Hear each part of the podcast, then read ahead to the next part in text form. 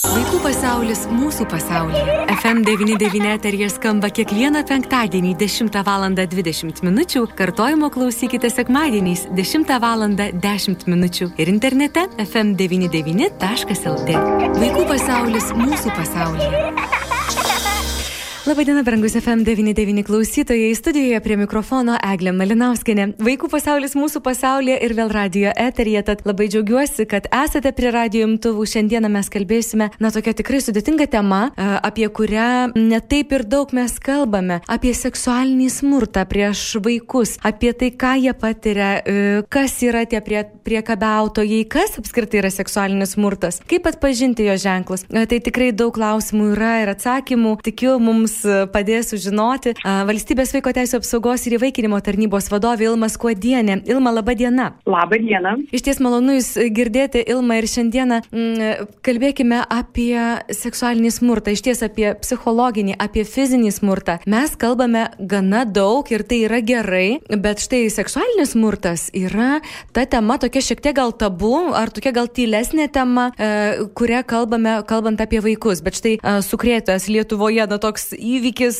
kuomet garsus politikas įt, įtariamas, ar ne, tai nebūtinai dar įrodyta, bet, bet įtariamas seksualiniu priekabiavimu ir, ir prievartavimu vaikų ir tikrai taip supurto, net atrodo negali patikėti. Iš ties tai yra problema, tai yra ta tema, kurią, kurią verta daugiau kalbėti, reikia daugiau kalbėti, tai yra probleminė tema Lietuvoje.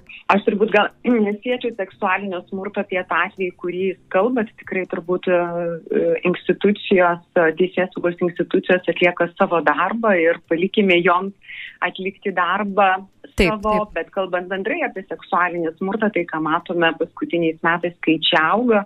2022 metais galimo smurto atveju mūsų tarnyba nustatė 300, 2021 metais kiek mažiau, 20 procentų, 239 ir, ir, ir skaičiai, kiek, kiek matome, kiek auga bet aišku, turbūt nustatyti tikslių skaičių, įvertinti, nes tai yra susijęs su labai labai išskirtinė smurto rušim, susiję su vaikais ir vaikam prakalbėti apie tai ir mums suaugusėmi matyti, tai yra tikrai išties labai sudėtinga.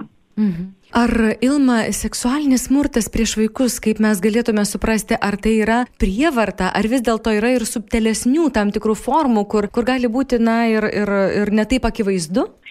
Taip, iš ties seksualinis smurtas tai yra tam tikri veiksmai prieš vaiką, kuris kitas asmuo siekia patirti, patenkinti kažkaip savo seksualinį geismą arba gauti iš to pelno nu, vat, iš seksualinių kokių tai paslaugų. Dažnai mes įsivaizduojam, nu, kad seksualinis smurtas gali būti su prasiskverbimu, ne, arba be mhm. prasiskverbimo, mm -hmm. kad tai tam tikra prievarta su prisilietimu arba be prisilietimo, bet tai gali būti ir vaikas verčiamas žiūrėti pornografinius filmus tam tikrus vaizdus. Gali būti, kad fotografuojamas nu, nuogas arba, nežinau, nuotraukos tam tikros fotografuojant platinamos, kaip žinia, vaikų pornografija gali būti filmuojama, gali būti platinama. Tai tam tikri veiksmai siekimas suaugusių žmonių patirti pasitenkinimą ir aišku, gali būti ir iš to pelnyti tam tikrų tikro pelno. Ar tai yra lengva atpažinti, ar mokame mes atpažinti ir suaugusiai, ir ypatingai vaikai, būtent uh, to, tokias formas išnaudojimo na, ir, ir prievartos prieš vaikus? Kas yra turbūt labai svarbu pasakyti, kad tai uh, daugiausia atveju arba vaikai taip pažymi, kad vyksta tarp 7-13 metų amžiaus vaikų. Tokio ankstyvo amžiaus. Yra, Taip, gali mm -hmm. būti ir nuo nulio mėnesių ir atvejų buvę ir, ir, ir su kūdikiais, bet aišku labai reti atvejai, bet tikrai gali būti, bet daugiausia ta, ta grupė jautriausia nuo 7 iki 13 metų, kuomet vaikai dar tikrai labai pasitikė ir suaugusiais, yra labai priklausomi nuo tėvų ir, ir, ir, ir, ir Ir dažniausiai, nu, vat, tai, ką matome pagal mūsų duomenis, kad 70-85 procentai seksualinio smurto vaikai patiria visgi artimoje aplinkoje ir skriaudėjas tai yra pažįstamas asmuo. Tai gali būti giminaitis, šeimos draugas, nežinau, artimas labai giminaitis, bendražygis, kaimynas, nežinau, vaikas tuo, kurį pažįsta, vaikas tuo, kurio pasitikė.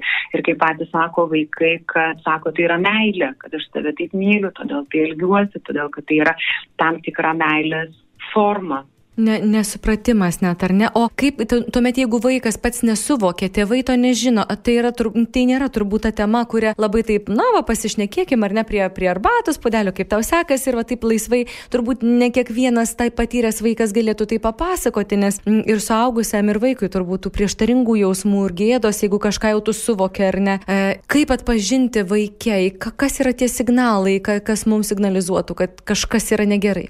Čia turbūt labai svarbu kreiptis būtų į, į auklėtojus, į mokytojus, į mokyklos bendruomenę, tai yra a, tos vietos arba tie žmonės, su kuriais vaikai praleidžia daugiausiai laiko. Ir aišku, vaikai tikrai iš, iš situacijų yra, kad sako, mes, aš nežinojau, kas su manim vyko, kol aš 14 metų nepamačiau per televizorių, ką daro suaugę žmonės. Aš nežinau, kad tai daro tas žmogus būtent su manim tai, o man tai buvo 90 metų kad vaikai tikrai 7, 8, 9, 90 metų jie nėra a, pajėgus nuspręsti arba suprasti, kas su jais vyksta, bet vaikai per tam tikras priemonės išreiškia per piešinius tikrai vat, yra buvę pranešimų, kad auto, sako, nupiešė, išreiškia, sako, vat, tie piešiniai tokie seksualizuoti ir galėtumėt atkreipdėmėsi.